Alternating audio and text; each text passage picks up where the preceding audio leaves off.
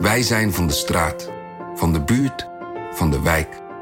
Wij zijn van heel Nederland. Samen zorgen we voor vrolijkheid, verbinding, feest. Samen brengen we in één jaar tijd 349 miljoen euro bij elkaar. Miljoenen waarmee onze goede doelenpartners de wereld groener, gezonder en rechtvaardiger kunnen maken. Nationale Postcode Loterij. Samen voor een betere wereld.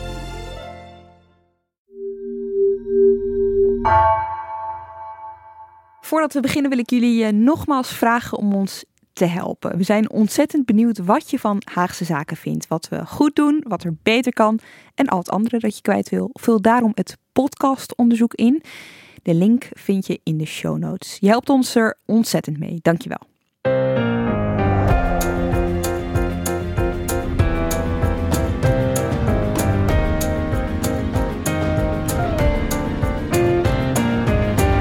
Haagse Zaken van NRC. Mijn naam is Lemja Aharoy. We spreken dit jaar van 50 onvolkomenheden, waarvan zelfs twee ernstig. Zo bleek dat het financieel beheer bij veel departementen kwetsbaar. Vooral bij het ministerie van VWS schoot het financieel beheer ernstig tekort. En hoewel dat in de loop van 2020 al duidelijk werd, is de organisatie daar niet tijdig versterkt. De problemen stapelden zich op. Daardoor ontbraken er bijvoorbeeld ontvangstbewijzen voor het leveren van goederen, zoals beademingsapparatuur aan zorginstellingen. Ook is onduidelijk of het aantal afgenomen coronatesten overeen kan, klopte met de facturen die de minister van VWS betaalde.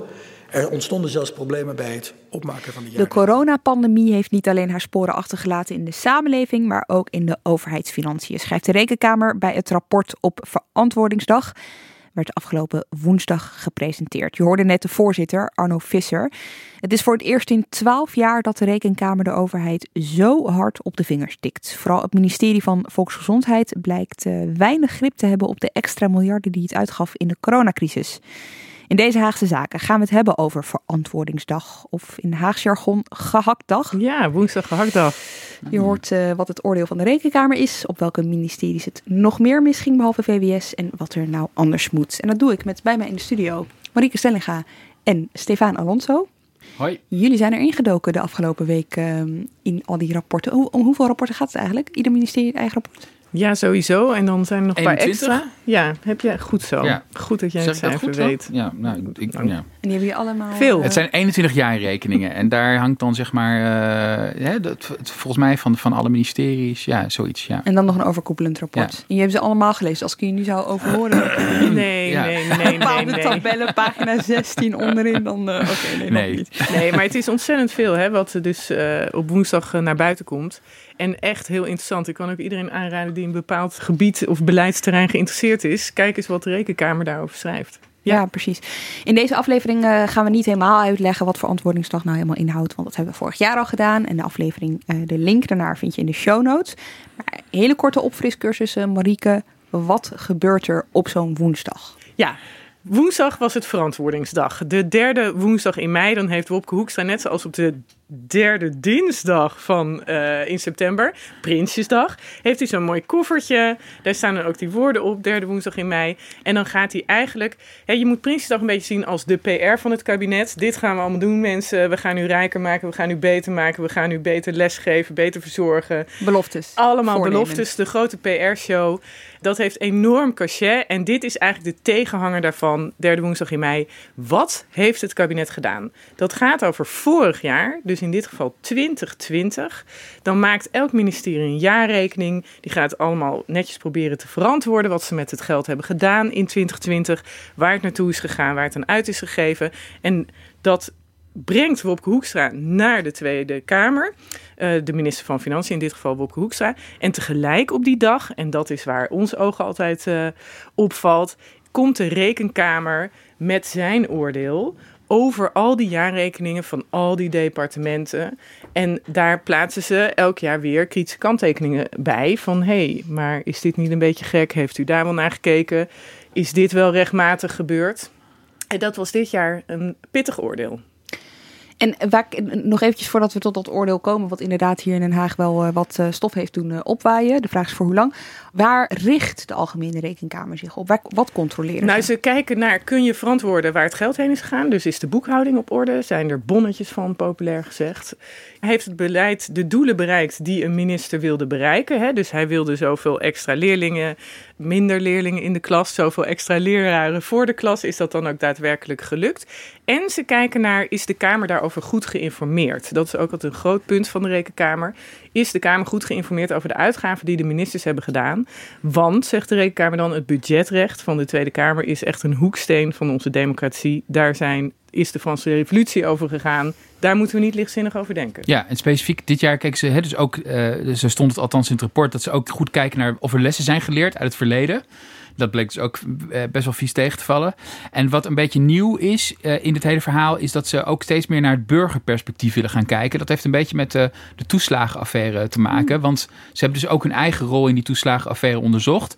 En daar kwam uit dat ze toch best wel scherper hadden kunnen zijn daarop ook. Van hoe pakt wetgeving in de praktijk uit voor de burger. Dus daarvan, zegt, uh, uh, daarvan heeft de, de, de rekenkamer-president Arno Visser ook tegen ons gezegd deze week dat hij dat in de toekomst veel meer wil gaan benadrukken. Dat, per, dat burgerperspectief. Dus dat ze dat ook meenemen in het onderzoek. In hoeverre is de gemiddelde man of vrouw op straat ja. erop voor uitgegaan? Ja, hoe slaat dit neer in de oh, samenleving? Daar komt het op neer. En dat is op zich natuurlijk wel uh, ja, is een goed voornemen. Dat dwingt ministeries natuurlijk ook om daar dan uh, verantwoording op af te leggen. Dat doet me dan een beetje denken aan het uh, maatschappelijk verantwoord ondernemen. Dat op een gegeven moment helemaal in was voor bedrijven. dus dan werd dat een hoofdstukje in al die jaarverslagen. Maar dan krijgen we nu dus de burgerperspectieven. Ja, ja nee, precies. En jullie uh, schetsten net al eventjes dat er veel mis is gegaan, constateert uh, de Algemene Rekenkamer. Dat kunnen we dan eventjes, als we dat in grote lijnen uitproberen te leggen, gaat het om twee dingen. Hè? Financieel beheer en ja. onrechtmatigheid. Ja. Ja, en misschien gaat het zelfs op het grote vlak, want je zei net voor het, hè, voor het laatst in 12, was het twaalf jaar geleden dat ze zo streng waren. Dat gaat over de uitgaven waarbij de rekenkamer constateert dat er iets niet klopt, hè, in welke vorm dan ook. Hebben ze een tolerantiegrens, hanteren ze daarbij. Bij 1% van de uitgaven zeggen ze, nou, dat mag best, een, of mag best, maar daar kunnen fouten worden gemaakt. Dat zien we dan door de vingers. En nu is zowel bij de uitgaven als bij de verplichtingen die de overheid vorig jaar is aangegaan, de ministers. Dat zijn de toekomstige uitgaven, zijn dat de verplichtingen? Ja, is de tolerantiegrens overschreden van die 1%. Die is dus met anderhalf en 2,5 procent. En dat, die combinatie komt niet vaak voor. Hè? Want meestal is het ofwel bij de uitgaven is de tolerantiegrens overschreden, ofwel bij de verplichtingen. Ja, en dan ook minder groot dan nu. Ja, en nu is het allebei tegelijk. Ja. Maar die tolerantiegrens is dus 1 procent van ja. het geld dat uitgegeven ja, is of de, zou moeten worden. De 300 plus miljard euro waar we het over hebben. Ja. He, de, de, de, in principe moet 100% van het geld goed worden uitgegeven. Maar ze zeggen dan van, hè, omdat er natuurlijk mensen uh, mee aan de slag zijn en die maken fouten. Dat is gewoon normaal.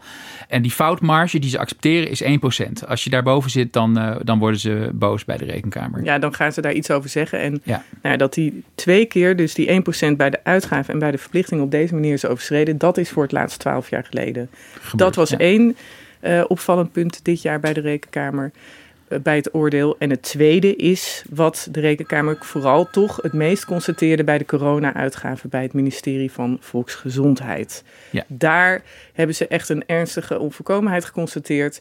Er is vorig jaar 5 miljard euro uitgegeven aan mondkapjes, testmateriaal, nou, je kan beademingsapparaten.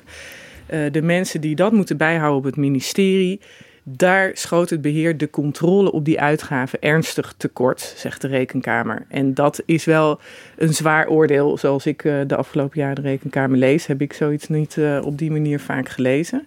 Zit dat dan in uh, woordgebruik of in. Nou ja, dat je eigenlijk zegt dat ze niet goed weten over die 5 miljard, wat daar, hè, hoe dat is gegaan. Het betekent niet dat het allemaal fout was. Het betekent ook niet dat er fraude mee is gepleegd. Het betekent dat ze het gewoon. Het ministerie had er geen grip op niet kan, genoeg. En kan geen vragen beantwoorden hierover. als je ze, Te weinig als je, als je ze vraagt van wat is er met het geld gebeurd, dan weten ze dat gewoon vaak Ja, niet. en, en, die dat 5 niet meer miljard is misschien ook nog even goed om, om te melden, want het gaat dus om, om uitgaven die dus onrechtmatig zouden zijn, of waar in ieder geval onduidelijkheid over is. Maar het gaat bijvoorbeeld ook over hè, het feit dat, ehm, eh, dat dat label onrechtmatigheid wordt bijvoorbeeld ook opgeplakt als de Tweede Kamer te laat is geïnformeerd over dat het ministerie iets gaat doen. En dat is dus ook vrij vaak gebeurd. Dus uh, uh, je moet je voorstellen, de Kamer heeft een budgetrecht. En de minister is verplicht om zeg maar, van tevoren aan te geven van ik ga zoveel uitgeven. Of ik ben van plan om dit en dat te gaan doen. En dat is een aantal keren niet gebeurd, weet je wel. Dus dat, dat zit ook allemaal in die 5 miljard. En dan zegt de rekenkamer van formeel moeten we dat dan ook als de Kamer dat later alsnog goedkeurt, moeten we dat formeel als onrechtmatig uh, zien. Ja, en dat vinden ze ook een groot punt. En ze vinden dat een groot punt, omdat het zeg maar in strijd is met dat budgetrecht, wat toch een beetje wordt gezien als een van de pijlers van ons staatsbestel. Dat is gewoon een heel belangrijk, zwaar bevochten recht van de, de volksvertegenwoordiging. En wat je gewoon uh, ziet, is dat daar gewoon vrij slordig eigenlijk mee wordt omgesprongen. Want dat vond ik ook interessant om te horen van, van uh, rekenkamerbaas uh, Visser die zei van het gaat mij er niet eens zozeer om dat de minister precies uh, moet zeggen, uh, ik, ik ga zoveel uitgeven. Hè, want er kunnen inderdaad noodsituaties zijn waarbij je gewoon snel moet handelen. En waarbij je nog niet echt zicht hebt op je uitgaves. Maar je moet de Kamer daar wel over gaan informeren. Je moet wel een brief sturen van tevoren. Van nou, ik ben voornemens om dat en dat te gaan doen. Dat moet snel omdat er gewoon kapers op de kust zijn of omdat er, uh, weet je, er is een crisis. Uh, dus ja, hou er rekening mee dat er een uitgave aankomt. Want dat hè? is wel even belangrijk om vast te stellen. De Kamer informeren klinkt dan heel groot, maar het kan gewoon een, een, brief, een, het kan gewoon een briefje zijn. Ja. Nou, en die brief is al wel de uitzondering. Hè? Dat is belangrijk om te zeggen, want ja. de Kamer heeft budgetrecht. Dus voor elke uitgave moet de minister toestemming krijgen van de Kamer. Formeel, dat is de normale gang van zaken. Zo hoort het. Zo gaat het ook meestal. Maar ja, crisissituatie, belang van de staat, dat is een uitzonderingsgrond. Ja. En dan mag een minister geld uitgeven, mits hij de kamers, kamers, Eerste en Tweede Kamer, daarvan van tevoren op de hoogte stelt. Met zo'n briefje. Dus hè, wij zeiden van ja, maar vorig jaar hoorde je ook, in een crisis moet je stoer geld op tafel leggen om uh, genoeg mondkapjes te kopen. Ja, ja. Nou, dan zegt Arno Visser, ja, maar dan stuur je een brief. Ik uh, moet stoer geld op tafel leggen om mondkapjes te kopen. Ja. Maar die brief is ook al niet verstuurd. En er was er ook nog sprake van financieel wanbeheer. Ja, wat de Rekenkamer constateert is die 5 miljard euro, daar schoot de controle van het financieel beheer ernstig tekort. Nou, daar kan je allemaal kwalificaties aan hangen, zoals wanbeheer. Maar in elk geval hadden ze het gewoon niet goed meer in de vingers. Ze hadden er geen grip op. En je ziet ook, en dat vond ik toch wel een van de meest schokkende dingen uit het rapport, dat in september vorig jaar dit al duidelijk werd op het ministerie of duidelijk was. Uh, en de Rekenkamer schrijft dat ook zo op. Hè? Die club die dat moet doen, dat zijn ambtenaren, uh, boekhouders, uh, administrateurs, inkopers.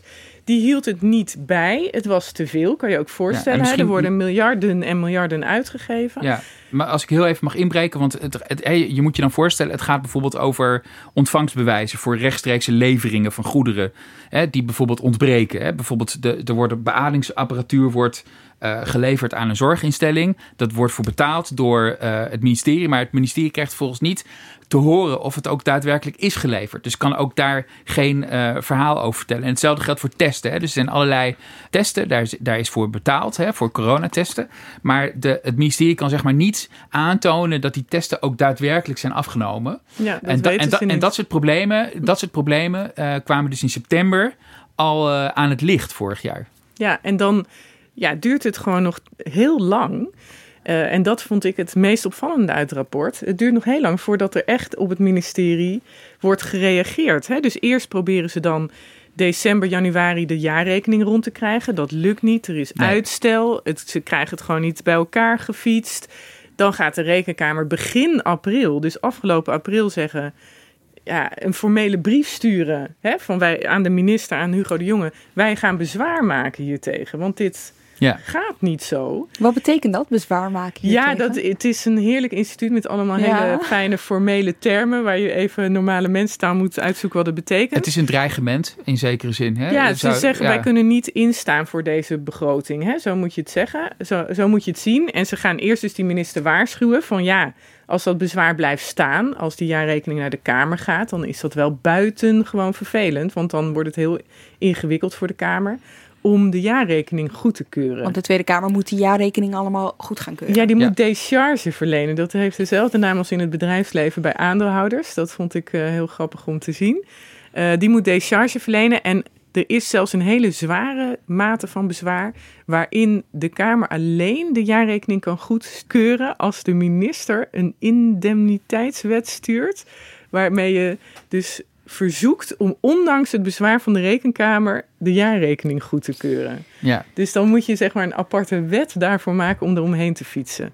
Maar goed, in dit geval bij VWS heeft de rekenkamer in april een brief gestuurd, bezwaar gemaakt, één na zwaarste middel wat ze hebben. En toen heeft Hugo de Jonge gereageerd. En toen heeft hij een verbeterplan ingediend. 25 FTE, oftewel voltijdsbanen extra, gaat hij op die afdeling aan mensen werven. Uh, hij heeft nog andere dingen om de zaak, ja, het financieel beheer op orde te brengen. En de Rekenkamer heeft dat plan bekeken en heeft gezegd: oké, dan trekken wij nu ons bezwaar in.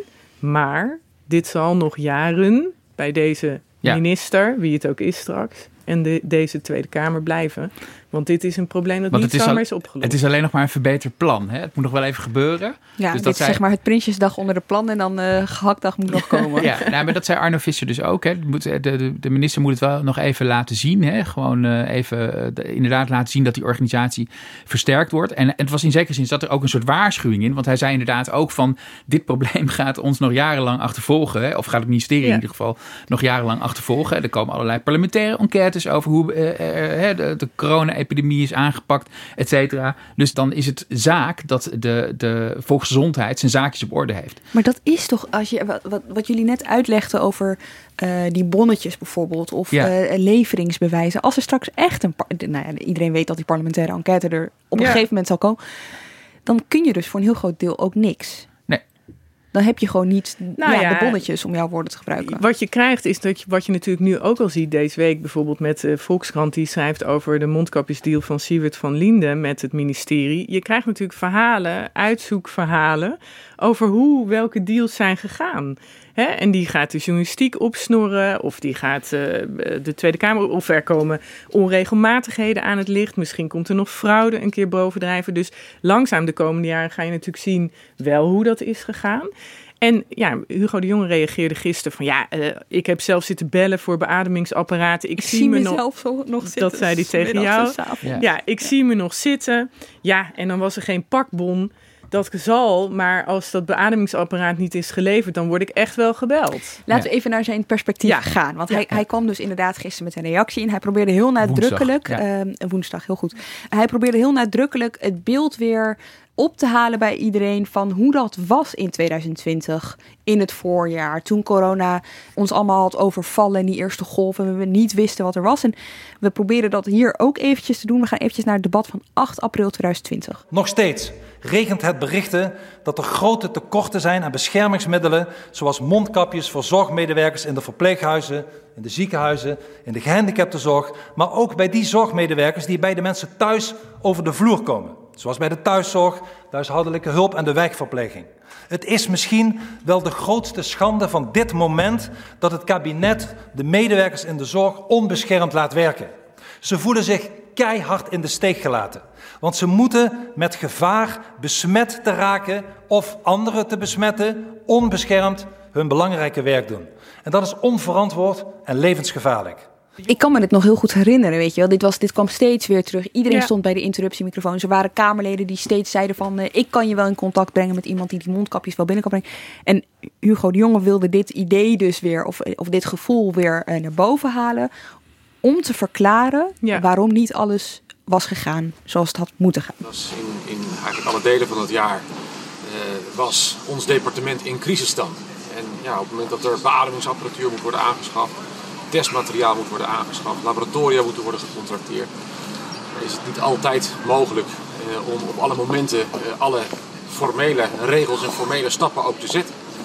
Eh, en, en dat maakt hè, dat ja, die crisis voor een belangrijk deel de verklaring is dat niet alle uitgaven rechtmatig zijn geweest. Ja, maar dit is wel de vraag wanneer houdt de crisisstand op? Ik denk dat maart, mei, juni. eh, Oké, we gelo- of april, vergeet ik even als belangrijke maand vorig maanden, jaar. De eerste maar. maanden van Ja. de coronacrisis. Dat, snapt, hè, dat snappen we wel. Maar het gaat er natuurlijk om, en dat zei Hugo de Jonge gisteren ook, eind van het jaar was het ook nog niet op orde. Ja. Hè, dus wanneer houdt de crisisstand op en breng je je zaakjes op orde? En dat is wat de Rekenkamer, waarom ze dat bezwaar maakte. Van ja, het loopt nu nog steeds door dat het niet daar op orde was. Dus bij alle uitgaven die nu worden gedaan, loopt het ook niet goed. Ja. En, daar is natuurlijk niet het excuus van het was crisisstand, we moesten zo snel mogelijk alles kopen. Ja. Dit, dit is wel goed om even bij stil te staan, want die 25 FTE, dat staat in het verbeterplan. Plan, die ja. mensen moeten nog eh, geworven worden, aangenomen worden, ingewerkt worden. Die crisis loopt door inderdaad. Dus as we speak. ja. Moet, is- ja, moet dit nog versterkt worden? En is dit ook iets, als je eenmaal, vaak in organisaties, als je eenmaal achterloopt met zoiets, dan blijft dat doorzuren. Hè? Ja, ja. En, en, en het punt wat, wat, wat de rekenkamer ook maakt is van oké. Kijk, het, het was ook crisis. Hè? En, en de rekenkamer, dat zag je ook bij Visser, zag je ook die. eh, we hebben hem geïnterviewd deze week. En je zag bij hem ook de worsteling. Want je wilt natuurlijk ook niet snoeihard zijn eh, over een ministerie. wat zeg maar midden in een crisis gewoon echt een. een, een ja, hè, dus niet alleen moesten ze, kregen ze er allemaal taken bij. Maar al die ambtenaren moesten opeens ook thuiswerken. Dus, het, ik bedoel, hè, dus er is ook heel veel goed, goed gegaan, benadrukte hij ook de hele tijd. Maar het onderliggende punt wat hij maakt, en dat is wel een fundamenteel punt, is dat veel van de problemen over het financieel beheer bij financiën, die waren al veel ouder dan de coronacrisis. Hè? Ik bedoel, eh, eh, hij had het over het subsidiebeheer bij het ministerie van Volksgezondheid, waar eh, in de afgelopen 20 jaar is daar 17 keer voor, voor gewaarschuwd door, Door de de rekenkamer. rekenkamer. Eh, hè, van, van breng dat op orde. Zorg dat je organisatie versterkt is. Dat is niet gebeurd. Dus hij zei eigenlijk van... Kijk, dat financiële beheer was voor de coronacrisis al heel slecht. En ze zijn tijdens de coronacrisis zijn ze gewoon nat gegaan daardoor. Weet Ja. je wel? Eh, eh, dus eh, dus die, die versterking had... Die, die 25 FTE had eigenlijk al een paar jaar geleden moeten gebeuren. Zeg Om de maar. Dan- favoriete woorden van, van Marieke te gebruiken. eh, coronacrisis legt het vergrootglas op Ja, bestaande ja, ja. problemen. Hou op, schijn uit. ja, Ja, het, is, het, is wel, het is gewoon wel waar. hier zit iets eh, wat Visser, en dat heb ik ook in eerdere interviews met, van hem gehoord. Hij waarschuwt al jaren voor de bezuinigingen die zijn gedaan onder het kabinet Rutte 1 en Rutte 2. En die zijn gedaan op de ministeries, op de minst zichtbare afdelingen, die ook wel overhead. Hè? Dus de mensen waar je makkelijk op zou kunnen bezuinigen in theorie. Daar is op bezuinigd toen. De inkopers, de boekhouders, de financiële beheerders. En daar gaat het nu mis. Ja, Precies De- daar. In feite is er, is er, er is natuurlijk overal zo'n beetje op bezuinigd eh, eh, na de financiële crisis. En wat je op een gegeven moment zag, was dat een aantal van die bezuinigingen werden als het ware gerepareerd. Hè? Dus de, hè, er werd toch meer Er kwam weer bakken met geld binnen, dus... Pre- Precies. En, en, maar wat je toen zag, en dat, dat eh, is dat, zeg maar de, dat het vooral wat werd gerepareerd, vooral wat zichtbaar was. Hè? Dus er kwam de extra politieman, die kwam er wel. Maar de boekhouder, die kwam er niet, hè? die extra boekhouder. Dus er is heel erg geïnvesteerd in dingen die zichtbaar zijn naar buiten toe, naar de samenleving toe. Van zie je wel, we zijn ook weer aan het investeren. Maar in, in dat, dat clubje binnen VWS, waar, waar gewoon natuurlijk allemaal hardwerkende ambtenaren zitten, eh, maar die gewoon met veel te weinig zijn, daar is niet in geïnvesteerd. En dat is eigenlijk de boodschap van eh, de Rekenkamer Maar geweest. hier moet, je, hier moet je me toch eventjes eh, helpen of iets ontwarren eigenlijk. Want die jongen die ging heel erg op de corona-tour. Hè? Nou, we hoorden hem net ook al eventjes. We konden, we moesten, het was Ja. een crisistijd, we moesten snel eh, handelen en zo. Maar als ik jullie verslaggeving eh, lees, dan zie ik dat de Rekenkamer juist constateert inderdaad van dit zijn onderliggende problemen die, Ja. al, die er al veel langer zijn. Hoe rijmt dat met elkaar? Is Nou, dit dan bliksemafleiding? Of, Nee, want hij heeft, ze hebben allebei gelijk. Dus het gaat om de 5 miljard corona-uitgaven die Hugo de Jonge vorig jaar extra heeft gedaan.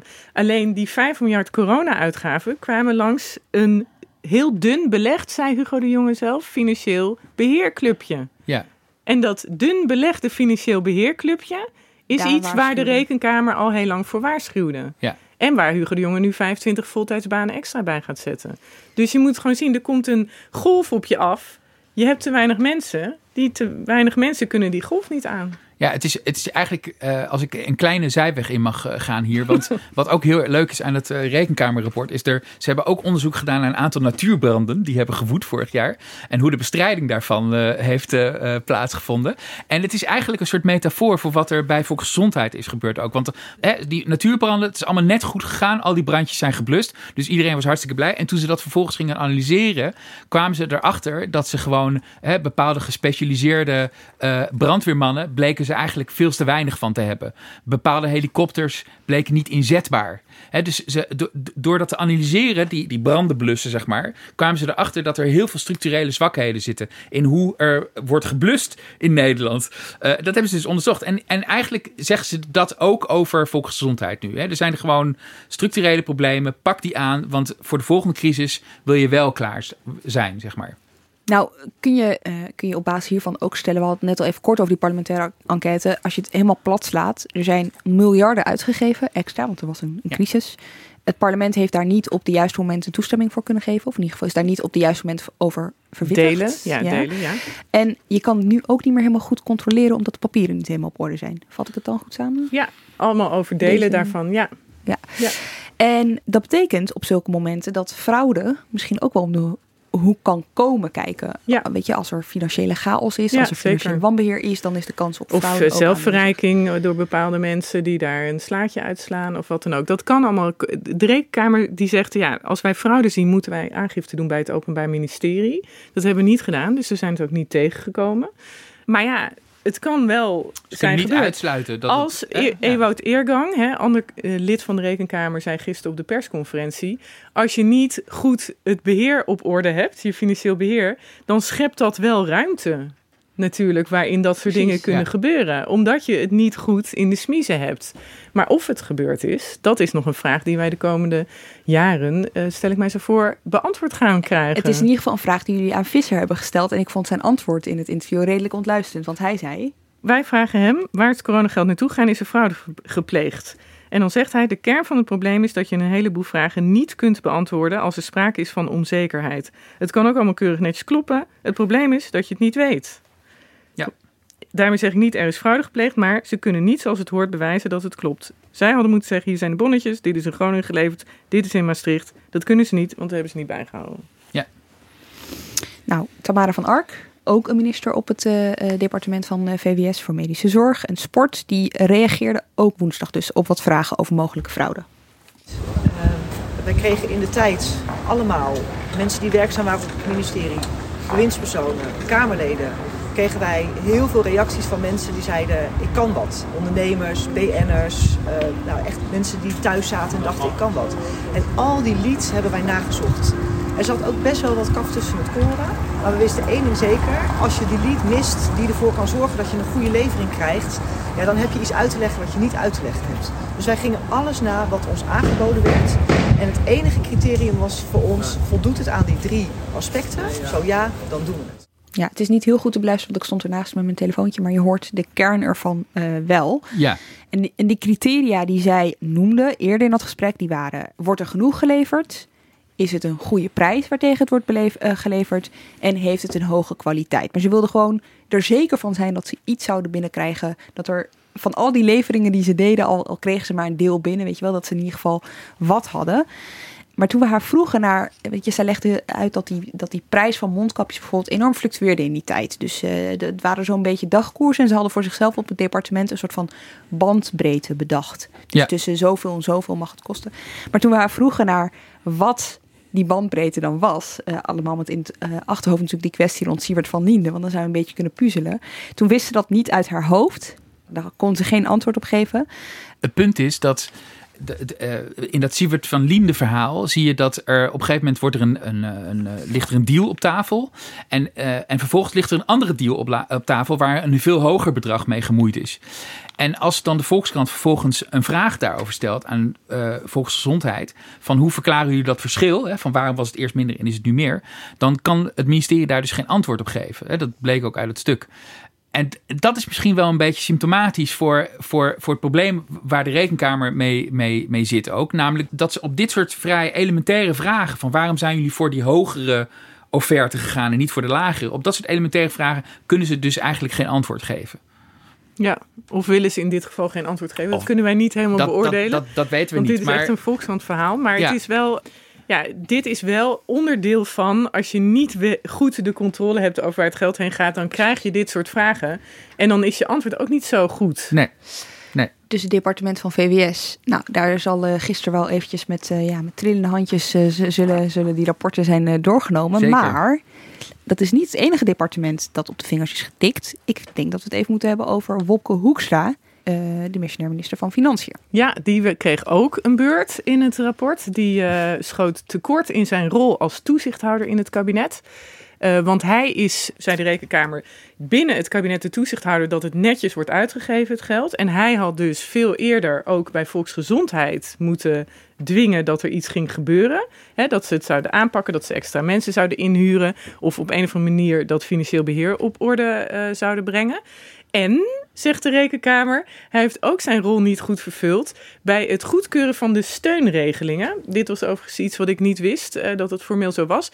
Maar er zijn 27 steunregelingen. Je kent het nog vorig jaar, hè? de frietaardapelensector, de sierteelt, het koninkrijk, hè? dus uh, Curaçao. Er zijn zoveel maatregelen genomen, hulp gegeven door Nederland uh, aan eigen sectoren, aan onderdelen van het Koninkrijk. En nou, dat waren er dus 27 in totaal. In 2020 uh, had de Rekenkamer geteld. En maar bij 10 heeft Wopke Hoekstra van tevoren als minister van Financiën, voordat het in de ministerraad kwam, zijn goedkeuring gegeven. En kennelijk is dat iets wat hij moet doen. Ja. Ja, het is natuurlijk best sneu voor, voor Hoekstra, want uh, de, de minister van Financiën is in Nederland traditiegetrouw uh, de, de meest populaire uh, minister. Hè. Je kunt eigenlijk weinig fout doen volgens mij als, minister van Financiën. Maar hij, hij krijgt er dus wel uh, heel veel en heel vaak van langs van de rekenkamer. Hè, ik bedoel, Visser noemde hem de regisseur. Hè. Hij is, Hoekstra is de regisseur van, van het totaalplaatje, van het financiële totaalplaatje. En hij moet er dus voor zorgen dat al die individuele ministers hun huiswerk goed doen. En dat heeft hij dus gewoon niet goed gedaan, weet je wel? Mag ik hier heel even een throwback doen naar de campagne. Het lijkt al heel lang geleden, maar het is pas twee maanden Ja. geleden. Voor de Tweede Kamerverkiezingen. En toen stond Wopke Hoekstra in een van de verkiezingsdebatten tegenover Lilianne Ploemen.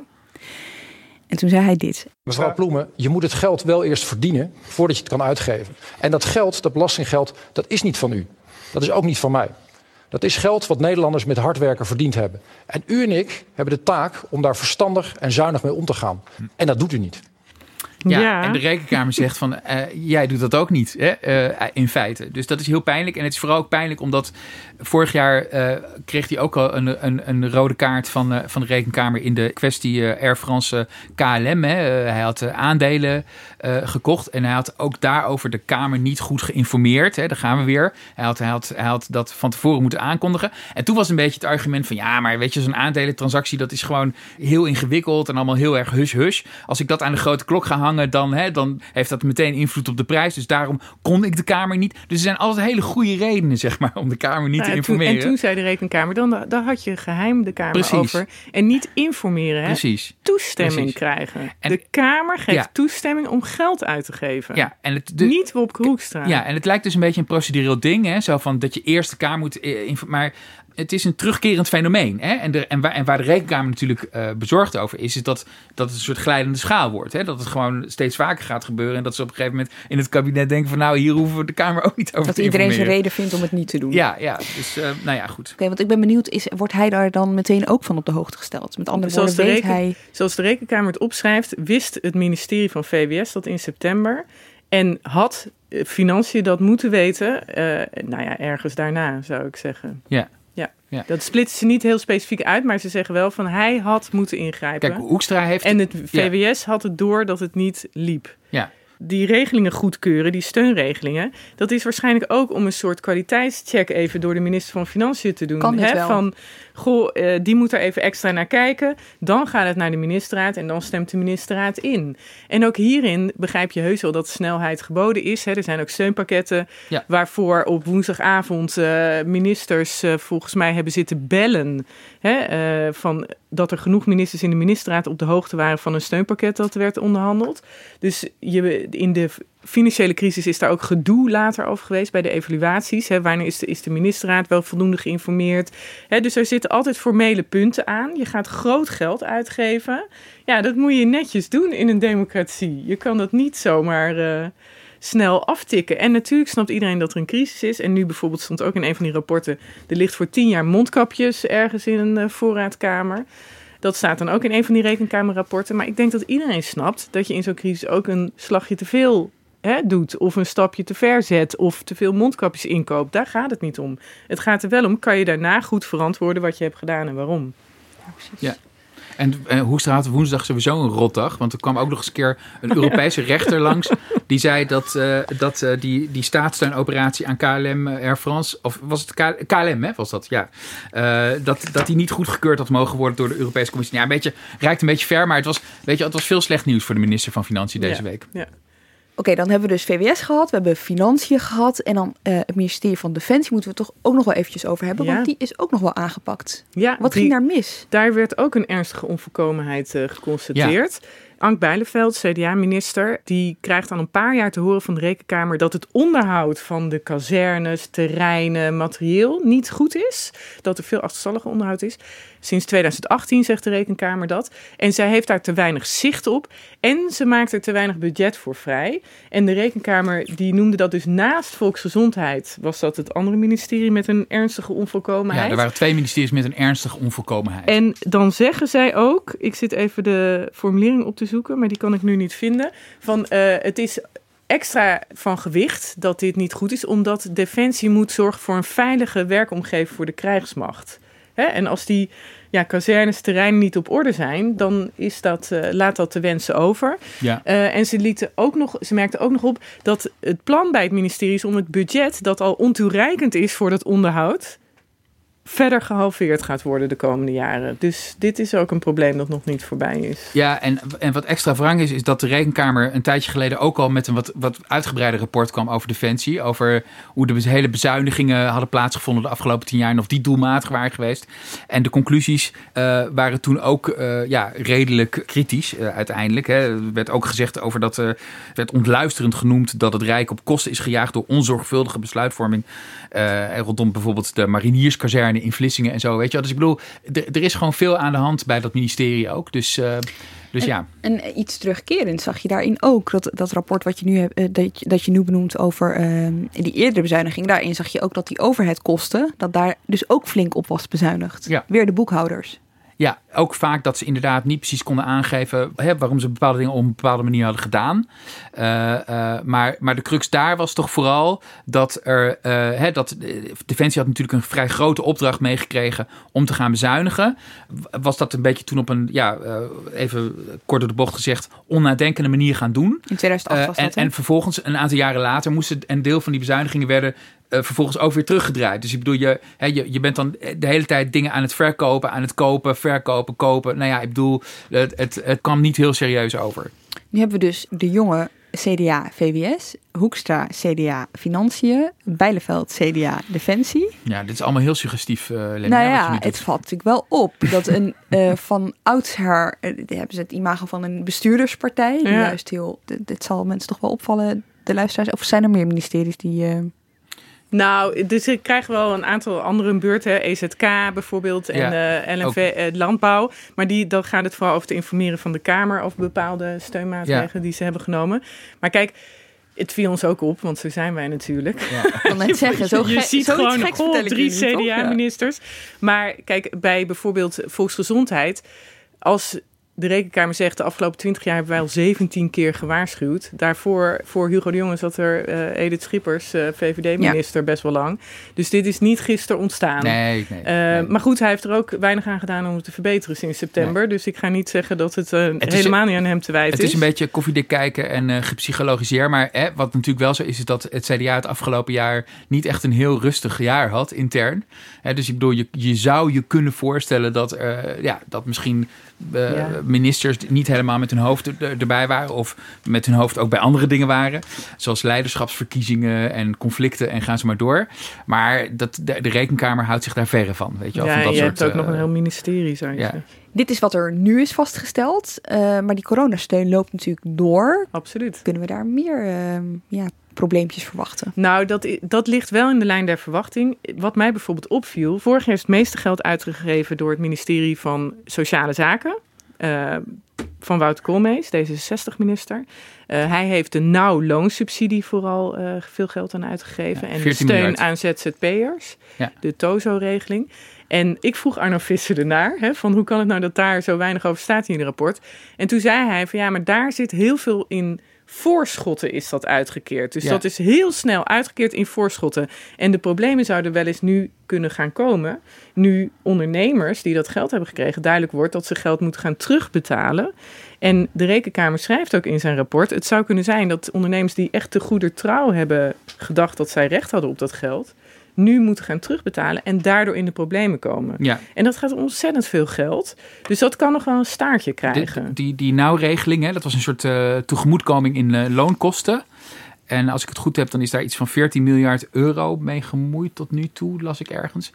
Eh, en zou kunnen, ja. in het rapport eh, van de Rekenkamer staat letterlijk... het ministerie van Sociale Zaken verwacht dat er bij circa 60% van de gevallen sprake zal zijn... van terugbetaling van het voorschot of een deel daarvan. Nou, dat is echt best veel. Ja. Eh, en, en bij de, de, de zogenaamde TOGS-regeling, zeg ik het goed? TOGS? Ja, dat is in de Eh, eerste dat- ronde door economische zaken Precies, uitgekeerd. de tegemoetkoming in het eh, omzetverlies. Hè? Dus, eh, nou ja, en daar is ook iets van, nou ja, in, het, in het rekenkamerrapport hebben ze het over 867 miljoen euro. En de rechtmatigheid van een derde van dat bedrag is onzeker, schrijven ze.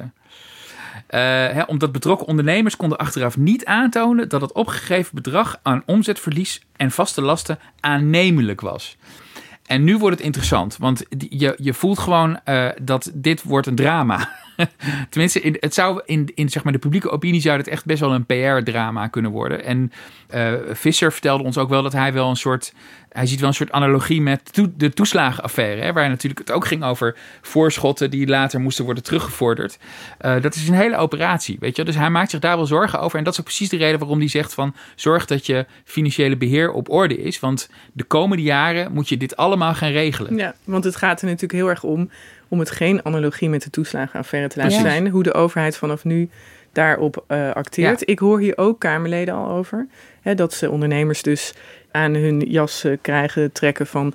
ja, ik moet terugbetalen, maar dat, hoe kan dat nou? En ik heb toch hier recht op? Of En ik, ik heb het allemaal eerlijk ingevuld. En, Ja, Maar eh, speelde dit niet mee toen het werd ingevoerd? Is daar toen niet over nagedacht van... eh, je- Nou, moeten- Nou ja, er is natuurlijk zijn criteria opgesteld en het moest snel. Hè? Ja. Het is in Nederland verrassend snel eh, terechtgekomen bij ondernemers die in hoge nood zaten. maar daar er is toch ook wel echt om geprezen overheid. En daar, daar hebben ze echt grove criteria gehanteerd. Daarom waren er ook altijd klachten dat bepaalde mensen niet in aanmerking kwamen. En die grove criteria maakten dat het snel kon worden uitgekeerd. Nu zou dat ja, toch bepaalde dingen kunnen gaan veroorzaken. Hè? Maar dat weet je niet. Je weet niet wie precies terugvraagt, hoe streng het UWV bijvoorbeeld die dat uitkeer heeft gekeerd gaat zijn.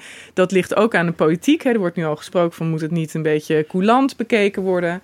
Nou ja, dat, dat, dat is wat de komende jaren nog blijft eh, ons achtervolgen. Mhm. Maar jongens, jullie omschrijven nu een aantal ministeries waarin het gewoon mis is gegaan. Eh, de Algemene Rekenkamer schrijft het allemaal op. Ja. En dan?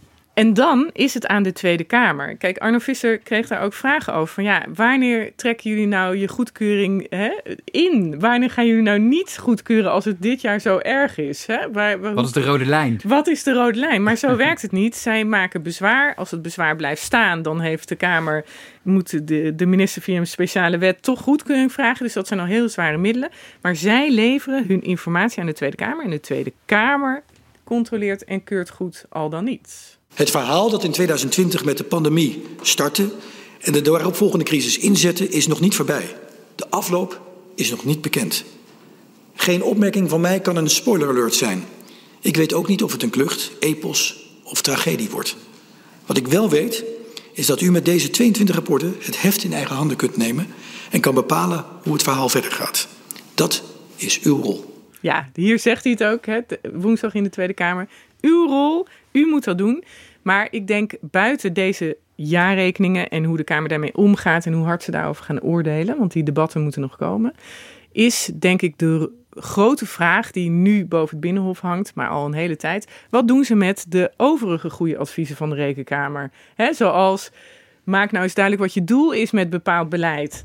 8,5 miljard euro heeft dit kabinet een paar maanden geleden beloofd aan het onderwijs. Dan zegt de Rekenkamer, wat wil je daarmee? Waarom vraag je niet aan scholen om ergens te registreren wat ze met het geld doen. Zodat scholen kunnen vergelijken wat nou werkt en wat niet werkt voor achterstanden. Maar dat is toch het fascinerende hierna- hieraan is. Kijk, dit is jaarlijks eh Ja. gehaktdag. Maar nu is het in een politieke context waarin het belang van tegenmachten en andere politieke bestuurscultuur. eh, waarin dat echt nou ja, door iedereen tien keer per dag ongeveer wordt eh, herhaald. Dit is tegenmacht. Dit is een hoog college van staat. Dit is Ja. iemand van buiten laten controleren of je wel of niet goed bezig bent. Nou, vorige week in Haagzaken hebben we het uitgebreid gehad over die politieke bestuurscultuur. Je zou denken, dit belandt never nooit in een la. Nu niet. Dit, dit kijk- blijft iedere dag op iemands bureau liggen. Ja, het punt is, de rekenkamer zegt niet dat eh, wat de overheid doet slecht of fout is, zeg maar. Tenminste, ze komen met feiten aan. Ze zeggen van dit zijn de, hè, op basis van de criteria die we hebben, dit zijn de onvolkomenheden die we tegenkomen, et cetera, et cetera. Maar of het, eh, wat er dan vervolgens gebeurt, is inderdaad aan de Kamer. Hè. Dus die zullen moeten gaan zeggen van, vinden we dat dit door de beugel kan allemaal, omdat het nu eenmaal crisis was? Of vinden we dat het niet door de beugel kan. En wat moet er dan gebeuren, zeg maar? Dat is wel eh, eh, eh, wat, wat we nu gaan zien. Ik, ik ben daar zelf best wel pessimistisch over. Want in Den Haag is het toch best vaak zo dat hè, op een gegeven moment is iedereen alweer bezig met de volgende wedstrijd. Eh Visser die gelooft dat het wel kan. Hè. Die had het tegen ons over een nieuwe ronde en nieuwe kansen eigenlijk in feite. Omdat er natuurlijk ook 75 nieuwe Kamerleden zijn, et cetera. Die gelooft er ook in. En hij kan natuurlijk ook niet anders. Want ik bedoel, je gaat als... Nou ja, hè, hij- je gaat als Hij zegt, als ik dat niet zou denken, zou ik toch thuis blijven. Dan zou ik toch thuis blijven. Precies. Dus hij, dat, dat begrijpen we ook natuurlijk wel dat hij dat zegt. Maar het, is, ja, het wordt best een ingewikkeld verhaal. Want ja, nogmaals, de, de, de Kamer moet hier echt mee aan de slag. En is, het, is dit een spannend genoeg onderwerp? Hè? Eh, Ik denk het wel. Maar dan krijg je weer de discussie van... kom je hier vaak genoeg mee in de krant Ja, als want de vraag is, zou het een spannend genoeg onderwerp Eh, moeten zijn? Want het gaat wel over iets Nou ja, fundamenteels. dat, is, het- dat is het hele punt. En ik denk, ik denk dat, dat veel Kamerleden al eh, bij voorbaat eh, zullen afhaken. En het kabinet zal natuurlijk gewoon heel erg het verhaal vertellen van ja, maar weet je wel, nood breekt wet en het was hartstikke moeilijk. En eh, weet je wel, dus ik bedoel, ik, ik, ik weet. Ik, Ja, maar ik- dan heb je het nu ja. over de, de afrekening Ja, eigenlijk, ja, hè? ja, met het ja. beleid van vorig jaar. Ja, volgens mij zijn het allemaal verschillende routes. Dus je hebt de afrekening van het beleid. Er komt er waarschijnlijk een parlementaire enquête naar. Nou, ik ben daar absoluut voor. Dat je heel goed Ja, gaat zeker. uitzoeken en uitpluizen wat goed en fout ging. Met begrip voor de omstandigheden. Hè? Want Ja. dat zegt dan altijd iemand. Maar de- de- er is begrip voor de omstandigheden. Alleen neem mij. niet alles weg. Weet je wel? Nee, en dan nog kan je constateren met begrip voor de omstandigheden dat er dingen heel erg mis zijn gegaan. Ja. Dat kan ook. Ja. En het tweede is, maakt vanaf nu de regering, de Kamer, de, het parlement ander beleid. Beter beleid. Beleid dat de burger beter bereikt. Waar de burger niet hè, in de mangel raakt. Waar niet met geld 8,5 miljard euro wordt gesmeten. Zonder goed te doordenken wat je daar dan mee doet of wil. Of wat je vraagt van die Ja. scholen. Hè, scholen zeggen ook nu tegen de rekenkamer. Ja, ik vind hartstikke fijn dat ik extra geld krijg. Maar ik zou best wel willen leren van andere scholen wat zij ermee doen. Ja, want, want hè, Visser zegt ook, eh, waar hij zich, bedoel tenminste, ik, ik chargeer een klein beetje, maar hij, hij zou graag zien dat de Tweede Kamer zich niet zo laat opjagen en veel, veel beter doordenkt wat voor wetten er eigenlijk worden gemaakt. Want dat gebeurt nu te weinig. Want wat je gewoon vaak ziet, eh, hij heeft het over, eh, we hebben een soort cultuur van uitruil, hè, in, in een bestuurlijke cultuur van uitruil. Dus vaak worden partijen worden het snel eens over een bepaald bedrag. Zo van 8 miljard naar het onderwijs. Maar, en hij zegt, dat is eigenlijk het makkelijke stapje, zeg maar het eens worden over het bedrag. En, en het moeilijke stapje wat daarna genomen moet worden, namelijk van wat wil je dan bereiken met die Doel. 8 miljard? Wat is het doel? En hoe ga je dat controleren vooral ook straks, zodat Ja, je het meten, vergelijkbaar meten, maakt? Hoe ga je ja. het meten? Ja. Dat wordt vaak overgeslagen. En daar waarschuwt hij dus voor. Hè? Zorg dat, dat dat er wel in zit.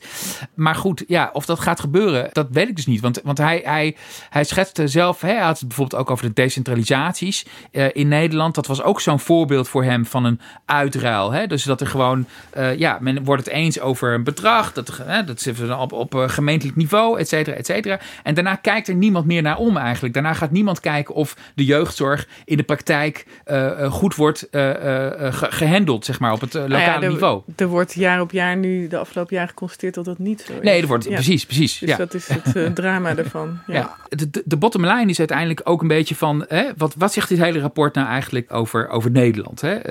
Eh, daar, daar hebben we het ook over proberen te hebben uh, met Visser. En nogmaals, Visser uh, hecht heel erg aan zijn formele rol. Hè. Hij wil alleen maar de feiten benoemen en zo. Maar Hè, zelfs Fischer zei op een gegeven moment: we zijn niet zo goed als we denken dat we zijn. Hè. Er, er is gewoon een soort issue uh, met het zelfbeeld van Nederland. We, we denken dat we supergoed georganiseerd zijn, dat we een modern land zijn. Maar als je dan zeg maar in de gekrochten van de administratie gaat kijken, dan kom je er eigenlijk achter dat het best tegenvalt. En dat, dat we eigenlijk helemaal niet uh, zo uh, modern zijn. En nou ja, weet je, ik, ik raakte daar toch wel heel erg getriggerd door dat rapport. Omdat het is natuurlijk iets wat je vaker terugziet. Hè? Ik bedoel, als je, ik schrijf bijvoorbeeld ook veel over buitenlandse Mhm. zaken. En als ik hier met, in Den Haag met diplomaten praat, dan zeggen zij vaak tegen mij van wat ons opvalt aan jouw land, is dat jullie vaak denken dat je heel goed bent in iets.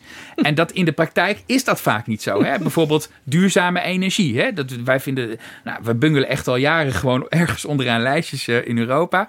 Hè? We vinden ons zelf heel erg geëmancipeerd. Hè? Maar uh, als je kijkt naar bijvoorbeeld de, de werkweek van vrouwen, dan is die uh, vrij kort in Nederland vergeleken met uh, vrouwen in, in andere EU-landen.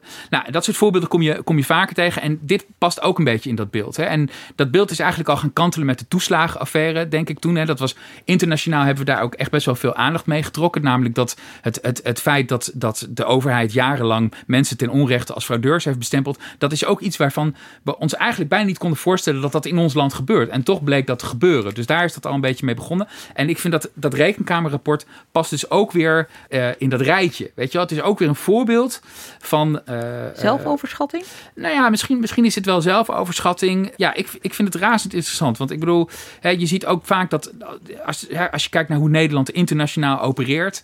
dan zijn wij vaak het land wat anderen de maat neemt. Hè? Dus ik bedoel, als het gaat over herstelfondsen in Europa en zo. dan zijn wij vaak het land wat begint van. ja, maar die andere landen moeten hun geld wel goed uitgeven. En ze moeten wel kunnen bewijzen dat het naar de goede dingen is gegaan, et cetera, et cetera. En dat is ook hartstikke goed dat we dat doen, weet je wel. Maar vervolgens blijkt in zo'n rekenkamerrapport dat we zelf ook nog wel wat lessen kunnen leren. Dus het, ja, ik bedoel, laten we daar gewoon uh, dan uh, iets van leren, denk ik. Ja, en jij pleit voor meer bescheidenheid. Nou, misschien wel. Misschien wel. Ik vind, ik vind het, uh, het stemt wel nederig, zo'n rapport hoor. Ik bedoel. uh, nou, zeker. Ja. En ik zie in dit rapport uh, eigenlijk de weerslag van het wispelturige beleid in Nederland. Zeker sinds de financiële crisis, maar eigenlijk wel langer. Nederland is heel erg geneigd om het ene moment met z'n allen te willen bezuinigen, en het andere moment met z'n allen bakken met geld te willen uitgeven. Daarvan zie je de weerslag in zo'n rekenkamerverslag. Er is eigenlijk bezuinigd, maar nooit hersteld. Er is opeens weer heel veel geld uitgegeven, maar op een manier ja, waarvan je denkt: wat hebben we daar precies aan? Ik denk dat er te weinig tijd, zoals Visser ook zeg maar, eigenlijk iedereen die de laatste tijd zijn zegje heeft gedaan over het vertrouwen overheid-burger naar aanleiding van de toeslagenaffaire te weinig tijd wordt genomen voor wetten. En die wetten worden niet voldoende doordacht. Die zijn te veel het gevolg van politieke deals. En te weinig van voor wie doe ik dit en waarom. En te veel van de waan van de dag ook. Neem daar meer ja. tijd voor. Ja. En wat een kleine obsessie van mijzelf is, al vele jaren lang, is. Het is zo boeiend als je beleid gaat maken om te kijken hoe het uitpakt. En dat willen ministers heel vaak niet doen. Ik heb bijvoorbeeld jarenlang een kwestie gehad met het beleid van Lodewijk Asscher toen hij minister van Sociale Zaken was in Rutte 2. Hij had toen, het was crisis, hij wilde mensen helpen die werkloos waren en hij heeft toen de sectorplannen bedacht. Nou, er werden allemaal dingen, scholingsvouchers, uh, loopbaanchecks, ik weet niet wat er allemaal uh, toen is bedacht. Er wordt heel vaak beleid gemaakt om mensen te helpen in een crisis of om mensen te helpen met een afstand tot de arbeidsmarkt. En economen vragen de hele tijd: maak daar nou een soort experiment van. Je geeft dus één groep mensen dat beleid wel en een andere groep niet. Mm -hmm. En dan kijk je, je wat effect wat heeft. En dan kan je hele fantastische dingen ontdekken, blijkt in andere landen. Dat bepaalde dingen heel goed helpen en andere niet. Bijvoorbeeld een schoningscursus die te lang duurt, kan mensen ook hinderen bij het vinden van een baan. Omdat ze op die cursus zitten.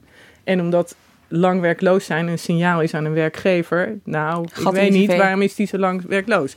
Dus zo ontdek je dingen. Ja. En daarvan zeggen ministers in Nederland heel snel... Hè, van ja, wij gaan niet experimenteren met mensen. Nou, sorry, maar dat doen ze in de medische wetenschap ook al heel lang. En daar hebben wij nu heel veel baat bij, volgens mij. Hè, je geeft een controlegroep een medicijn wel, een controlegroep niet. Niemand weet wie het wel krijgt en wie niet. Nou, dat kan je niet helemaal nadoen in iets als arbeidsmarktbeleid. Maar je kan het wel proberen. En als we dat nou zouden doen, als elke minister zich daar nou echt aan zou committeren... en als inderdaad een minister bereid is om dan op het eind te horen... beleid Asscher mislukt. Ja, dat kan. Dat, dat kan eruit komen. Dat is wat je natuurlijk de moeilijkheid Ja. is bij het vaststellen van echte doelen bij beleid, dat je dan er ook op afgerekend kan worden en dat dan de krantenkop kan zijn beleid die en die mislukt. Ja, maar daar zijn- worden we zijn- wel met z'n allen beter Maar, da- van. maar daarom zijn doels- doelstellingen dus ook vervelend, want je kunt erop afgerekend worden. Dus het is wel duidelijk dat ze niet heel populair zijn. Dit is voor het eerst dat ik iets heel concreets hoor bij een nieuwe politieke bestuurscultuur. Een, eh, een eerste concrete handvat. Zouden we het zeg. zo kunnen zeggen? Handvat. Japke D. Bauma zou me afmaken, maar goed. Dank jullie wel, jongens. Marieke Stellinga en Stefan Alonso. Dank ook voor het luisteren. Redactie en productie van deze aflevering waren in handen van Iris Verhulstonk. De montage werd gedaan door Pieter Bakker. Volgende week zijn we er weer. Tot dan.